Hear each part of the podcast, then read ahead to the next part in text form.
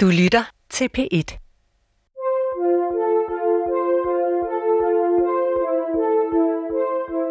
Da jeg fødte mit første barn, fødtes også en ny angst. Jeg fik katastrofetanker og begyndte at frygte flystyrt, faldende tagsten og terror. Jeg samlede ubevidst på de tragiske historier om børn, der døde ved ulykkelige tilfældigheder. Børn, der døde i en indkørsel. Børn, der døde ved at få en reol over sig – Børn, der døde ved fejlbehandling. Børn, der blev kvalt i mad og døde. Børn, der faldt ud af vinduer og døde. Børn, der døde. Børn, der døde. Børn, der døde.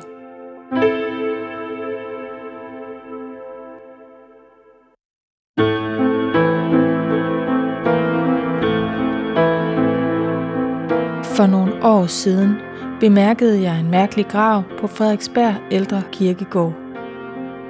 Det er et barns grav, men den er anonym. Teksten på stenen lyder Sødeste, elskede, eneste lille kikkerpige. Du var al vor lys og glæde, som vi mistede ved det ulykkelige fejlbombardement på Jean d'Arc-skolen 21. marts 1945. Far og mor. Over inskriptionen er der et bronzerelief af en pige. Hun har store slangekrøller, som lander på skuldrene, og et udtryksfuldt blik. Jeg bliver både rørt og mystificeret af graven. Hvorfor kalder forældrene deres barn for kikkerpigen? Hvem er de? Hvad er hendes historie? Hun hed Greta Vestergaard, men blev kaldt for kikkerpigen. Jamen, man bliver nysgerrig. Hvad er det for den, noget med den kikkerpige? Hvem har hun været? Øh, hvordan har hun været som øh, det pigebarn, hun er? Når folk talte til hende, så kiggede hun på dem. Og hun har berørt nogle mennesker. Du finder nogle mennesker, som kan fortælle om hende. Hun var meget begavet, det var hun helt sikkert. Det er ligesom, der må ligge en historie bag det. Den katolske pigeskole og børnehave Jeanne d'Arc, også kaldet Den Franske Skole, lå midt på Frederiksberg Allé. Den 21. marts 1945, kort inden krigen slutter, blev den bombet ved en fejl af engelske flyvere på en helt anden mission. Katastrofen slår 86 børn på skolen ihjel. En af dem var kikkerpigen Greta Vestergaard. Hun blev 12 år gammel. Jeg hedder Stine Ellerbæk, er journalist og mor. En forælder, der prøver at forstå og finde mening i det, jeg selv frygter mest. Børn, der dør. Det her er femte og sidste afsnit i P1-serien Kikkerpigen. Det handler om morens liv efter datterens død, og om at give slip og give videre.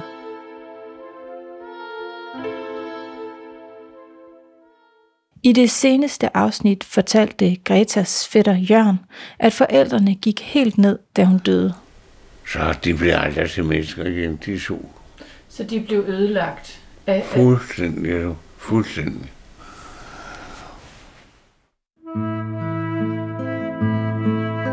Vi har hørt meget om kikkerpigens død, men nu skal vi tilbage, hvor hendes liv fik sin begyndelse, da forældrene mødte hinanden.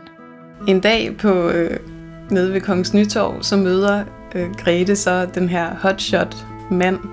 Historien fortælles af Sine Lytgen, som er efterkommer til kikkerpigen, og den går, at moren, Anna Margrethe, kaldet Grete, ældste datter ud af 12 søskende, gik på husholdningsskole, da hun en dag blev passet op af sin kommende mand Henning. Som øh, kører i en sportsvogn og bare rigtig, øh, og hun var meget smuk kvinde, og jeg tror rigtig, hun er blevet øh, lovebommet, men det øh, siger, sagde man måske ikke så meget dengang.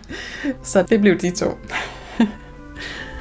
Den 11. juli 1932 får de datteren Greta Allentoft Vestergaard med kælenavnet Kikkerpigen. Familien bor i et hus på Indre Frederiksberg og beskrives som velhavende – men i det seneste afsnit fandt jeg ud af, at Kikkerpigens far har arbejdet i Tyskland som chauffør under krigen, og siden anklages for at være stikker og hippo. Han sidder kortvarigt i fængsel, men løslades uden sigtelse. Så han har tjent en, en hederlig løn i, øh, i Tyskland, som han har kunnet sende hjem til familien. Siger rigsarkivar Peter Birkelund. Det var der jo 100.000 andre, der også gjorde, der tog til Tyskland. Og det skal lige siges, det blev aldrig nogensinde ulovligt. Øh, det blev aldrig opfattet som ulovligt, hvis man havde været i Tyskland. Jeg er lettet over, at han ikke er nazist, men forundret over, at han måtte tage arbejde i Tyskland. Det svarer ikke overens med de historier, som efterkommerne fortæller.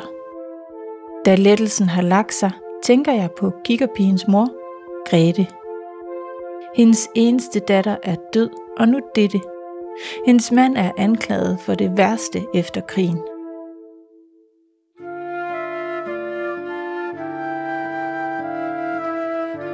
Jeg ser hende for mig, en elegant dame, der besøger sin mand i fængslet.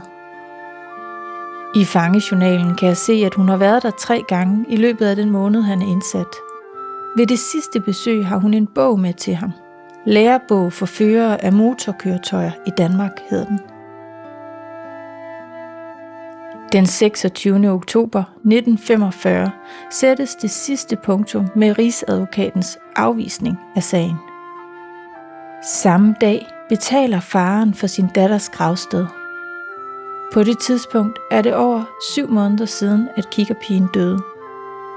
Hun ligger i Frederiksberg Kapel i over et år, inden hun begraves den 30. marts 1946. Forældrene lægger hende i det underjordiske gravkammer, hvor de også selv skal ende. Han allerede som 56-årig, og hun som en ældre dame i 1991.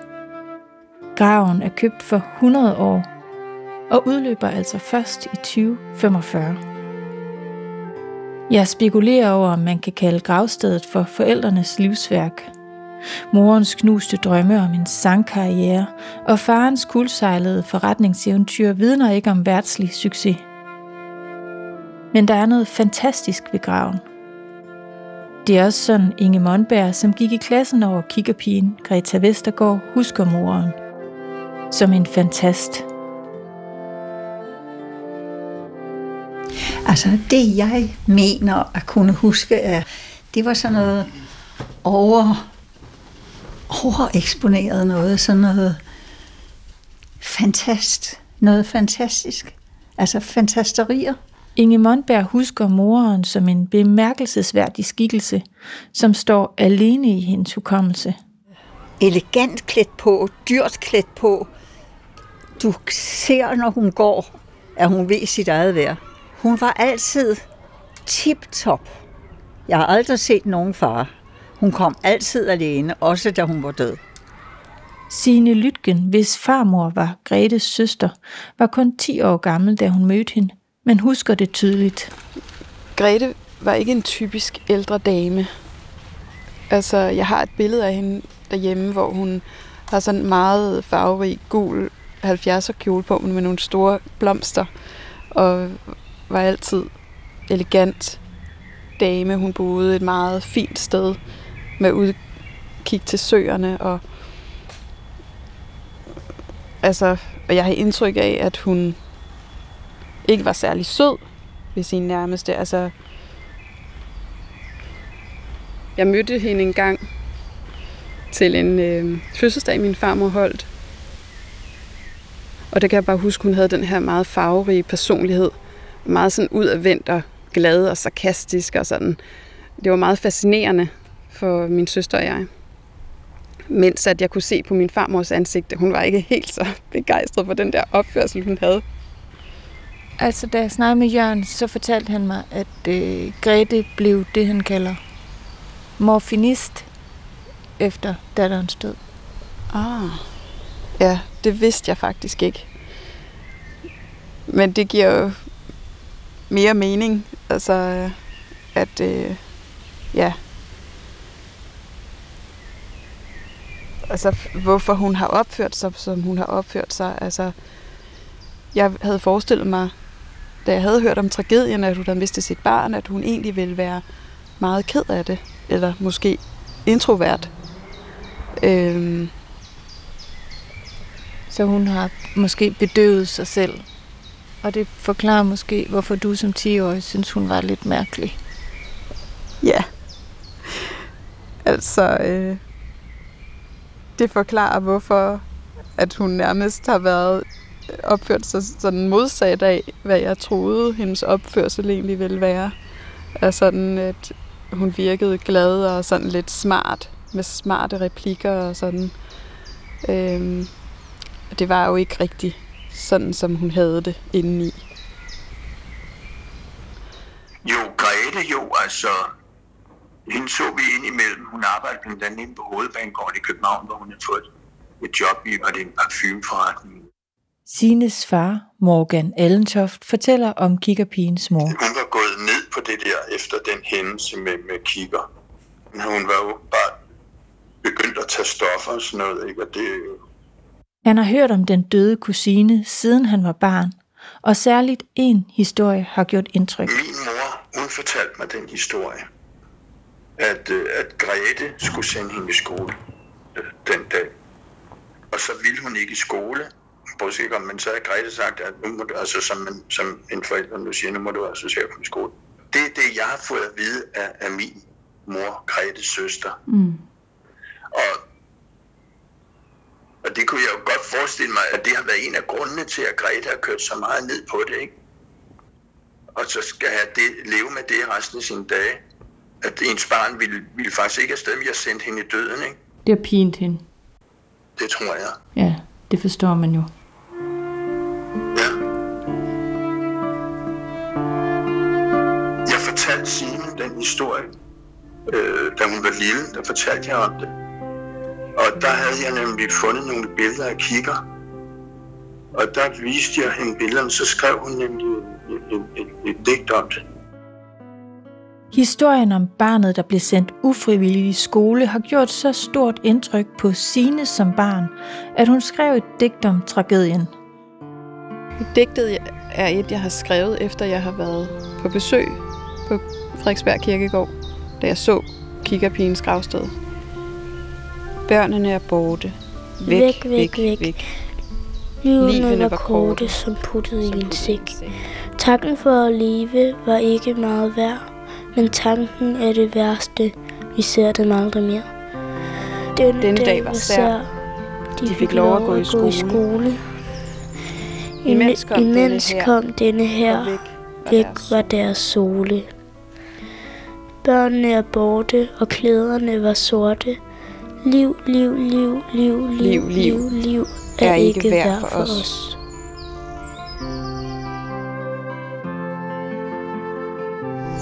Jeg har været barn og blev introduceret for den tragedie. Og nu er jeg voksen og har selv et barn, der kommer ind i den alder, som Greta var. Så på den måde har det påvirket mig på forskellige planer, ikke? at jeg nu tænker også meget over, hvordan forældrene havde det og deres tab. Nu blomstrer roserne, har du lagt mærke til det? Ja, der er to meget smukke rosenbuske på hver side af den store gravsten. Jeg har tænkt rigtig meget øh, på min egen angst, når jeg er gået rundt her. Min egen angst for at miste, altså mine egne børn. Og jeg tror, det er derfor, jeg blev så påvirket af kiggerpigens grav. Jeg har selv en eneste pige, og det er jo altid en forældres mareridt at tænke på, hvis, sådan, hvis man skulle miste sine børn. Det er jo meget usandsynligt i dag, fordi der er jo ikke, der er jo ikke krig i. Men alligevel så ligger den angst der jo et eller andet sted. Det, jeg synes er ekstremt svært, det er det der med, at et barn skal have sin frihed til at leve sit eget liv. Og når man giver barnet den frihed, så føles det som om, man selv løber en risiko, når man lader det gå alene hjem fra skole, fordi så skal hun gå over en trafikeret vej, eller man lader dem cykle alene til sport, eller være ude til klokken 10. Alle de der små skridt ud i friheden, det er også inde i mig føles det som Man skal jo give slip, ikke? Men det føles som en risiko, ikke?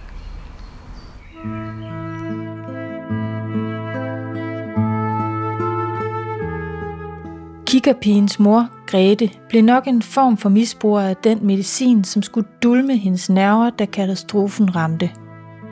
Men noget har hun klaret. I gamle dokumenter fra Frederiksberg Stadsarkiv ser jeg, at hun var en del af det lille udvalg på seks forældre fra den franske skole, der kæmpede en årlang kamp for de døde børns minde. De ønskede, at skolens grund blev fredet, og der kom en mindelund for offrene.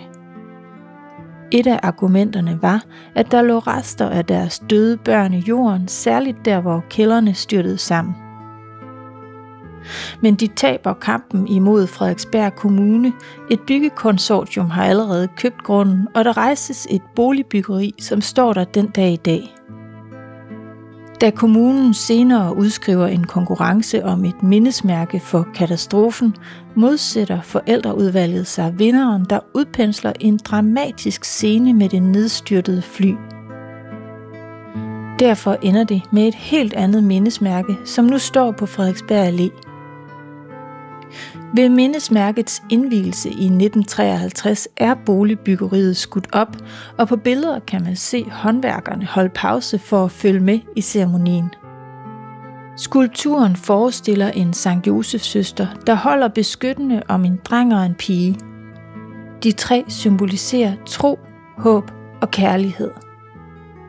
Hvert år den 21. marts kl. 11.15 da bomberne faldt, samles pårørende, overlevere og andre interesserede her for at dele minderne og smerten. Jeg forestiller mig, at kikkerpigens mor Grete i den her kamp har fundet mening i en svær tid. Hvordan kan man undgå at føle sig magtesløs i hendes situation? Hvorhen skal man rette sin vrede? Jeg spekulerer også på, om Gretes arbejde for den officielle anerkendelse og for børnenes minde og det dyre og opsigtsvækkende gravsted kan være et forsøg på at give datteren den opmærksomhed, hun måske ikke fik givet hende i livet. Kikkerpigens fætter Jørgen har fortalt, at hun ofte var alene hjemme og opsøgte hans familie. Kikker hun er ikke nogen god barndom. Det havde hun ikke. Nej, altså hun blev forsømt i allerhøjeste grad, det gjorde hun. Og selvom Signe Lytgen er vokset op med familiehistorien om kikkerpigen og katastrofen, er spørgsmålet om omsorgssvigt ikke noget, der er blevet snakket om. Der bliver fortalt, at Greta var forsømt. Ja, og det er slet ikke til at bære at høre om det. Og det kan jeg også huske, at det var slet ikke noget, min farmor ville gå ind i. De der tanker, fordi det var alt for smertefuldt for hende. Det er der uden tvivl. Jeg tænker på øh, Greta, og på, at hun blev kaldt for kikkerpigen, fordi hun havde det der intense blik. Hun har, hun har kigget meget opmærksomt på folk, når de snakker, fortæller Jørgen. Okay. Ja, jeg kan huske, at jeg altid har tænkt over, hvorfor det var, hun hed kikkerpige. Og så kan jeg huske, da jeg selv fødte mit eget barn, så da jeg ammede hende i nogle af de første uger efter fødslen, så så jeg bare de der kæmpe store øjne. Man kan jo bare se, hvordan de der spædbørn, de bare kigger, og det eneste, de, de kan jo ikke se så langt. De kan se op til deres mors ansigt, ikke? og det gjorde hun. Og så tænkte jeg faktisk på kikkerpigen igen. Jeg tænkte, at det må være derfor, hun hedder kikkerpige. Og hvis du så sætter det i relation til Greta, så kan jeg ikke lade være med at tænke på, om hun har søgt en kontakt hos de voksne, når hun har kigget på den måde. At hun kigger for selv at blive set. Ja, det er meget interessant, du siger det. Det er jo det eneste, man kan gøre, hvis man ikke kan komme til ord, og man ikke kan sige noget. Altså, jeg har jo også øh, læst rigtig meget eksistensfilosofi, og der er det jo netop øh, det at blive jagtet, Det er jo noget af det, vi karakteriserer som et bevis på, at vi er levende. jeg tænker, at de har kaldt hende kigge, kiggerpige også i grav, på gravstedet, fordi det er jo ubevidst, øh, så kan de bevare hende levende på en eller anden måde, hvis hun stadigvæk kigger.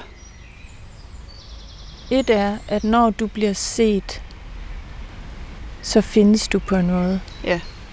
Det er jo meget aktuelt med alle vores sociale medier, hvor man nærmest ikke findes, hvis ikke man bliver set derude. Ja. Men det at blive set og blive kigget på, det kan jo også være at blive husket. Altså jeg tænker på, at kiggerpigen har fået det her gravsted, som er så opsigtsvækkende, at man ikke kan lade være med at stoppe op og se på det. Og på den måde, så bliver hun set nu i sin død. Ja, ej, det er virkelig rørende.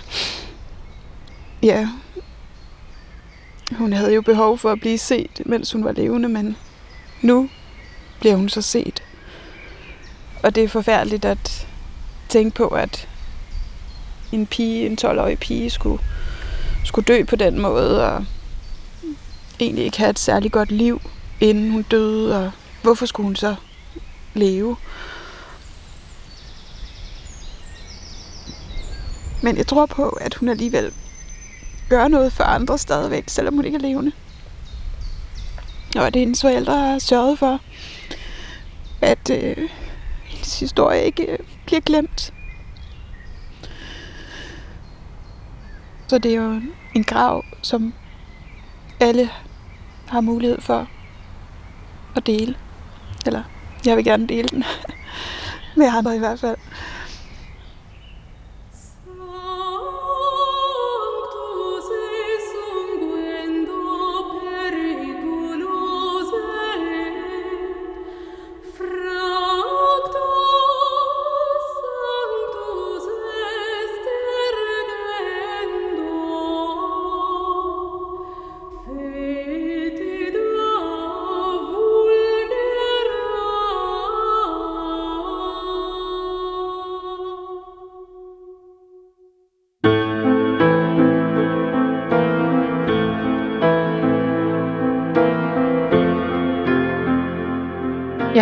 At komme så tæt på kiggerpigen Greta Vestergaard som muligt.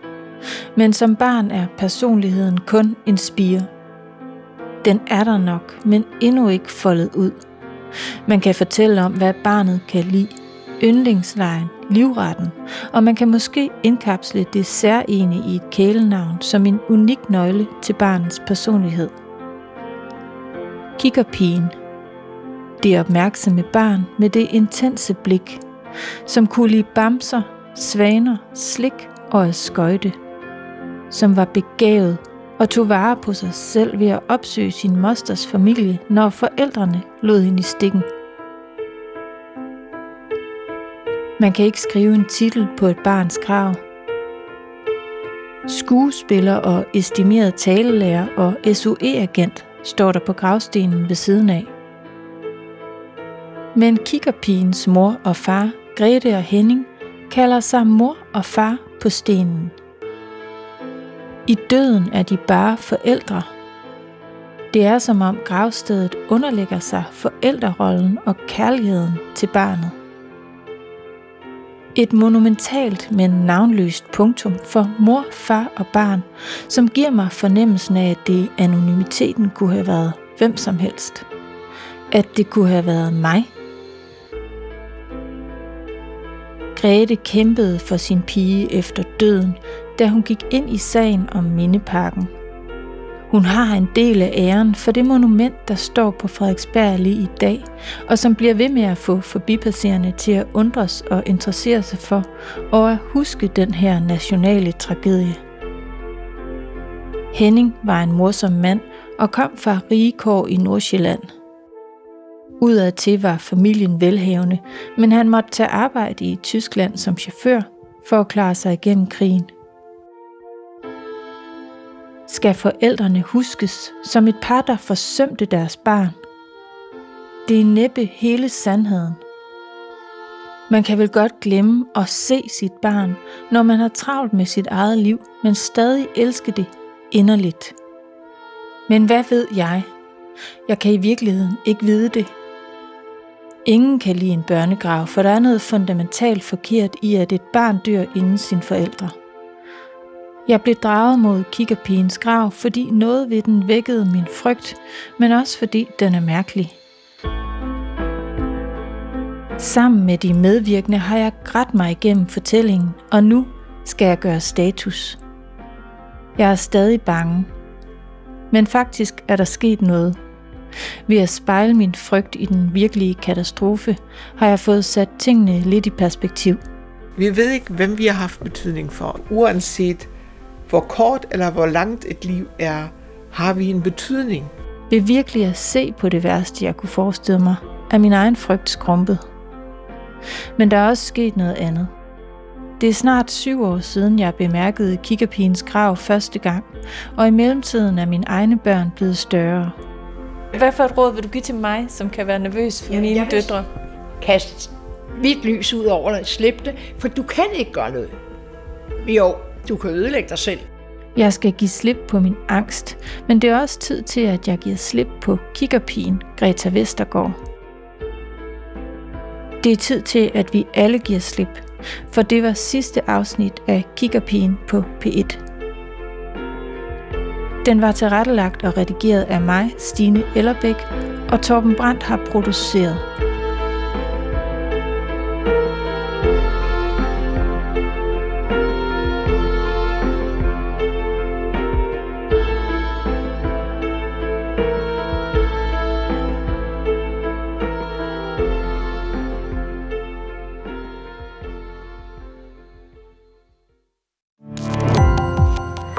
På opdagelse i alle DR's podcast og radioprogrammer. I appen DR Lyd.